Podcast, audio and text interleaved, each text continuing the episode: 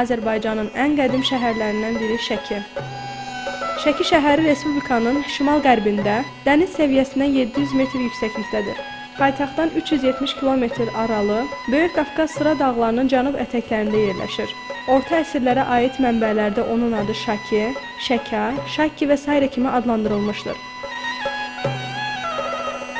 Vaxtilə indiki Şəki şəhərindən 10-15 kilometr cənubda olmuş köhnə Şəki şəhərinin Sasani hökmdarı 1-ci Qubad tikdirir.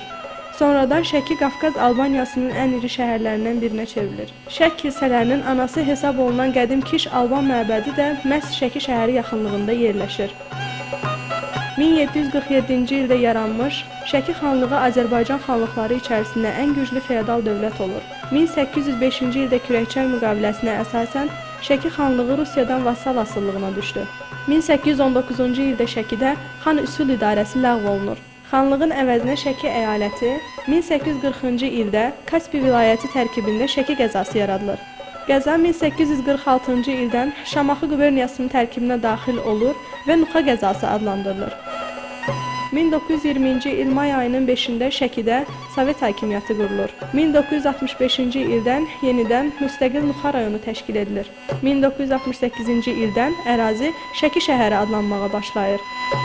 18-ci əsrdə qurulmuş şəhər 19-cu əsrin ortalarına qədər qorunub saxlanmış, strukturunda heç bir dəyişikliklər edilmir.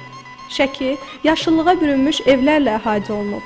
Şəki küçələri evlərin uyğun düzülüşü ilə deyil, əksinə özünə xas planlaşdırmaya əsasən qurulmuş və evləri bir-birindən çəpər və hasarlar ayırır.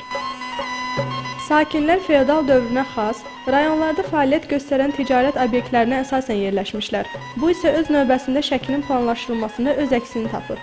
O dövrdən qalma məhəllə, küçə adları indiyə qədər qorunub saxlanılır.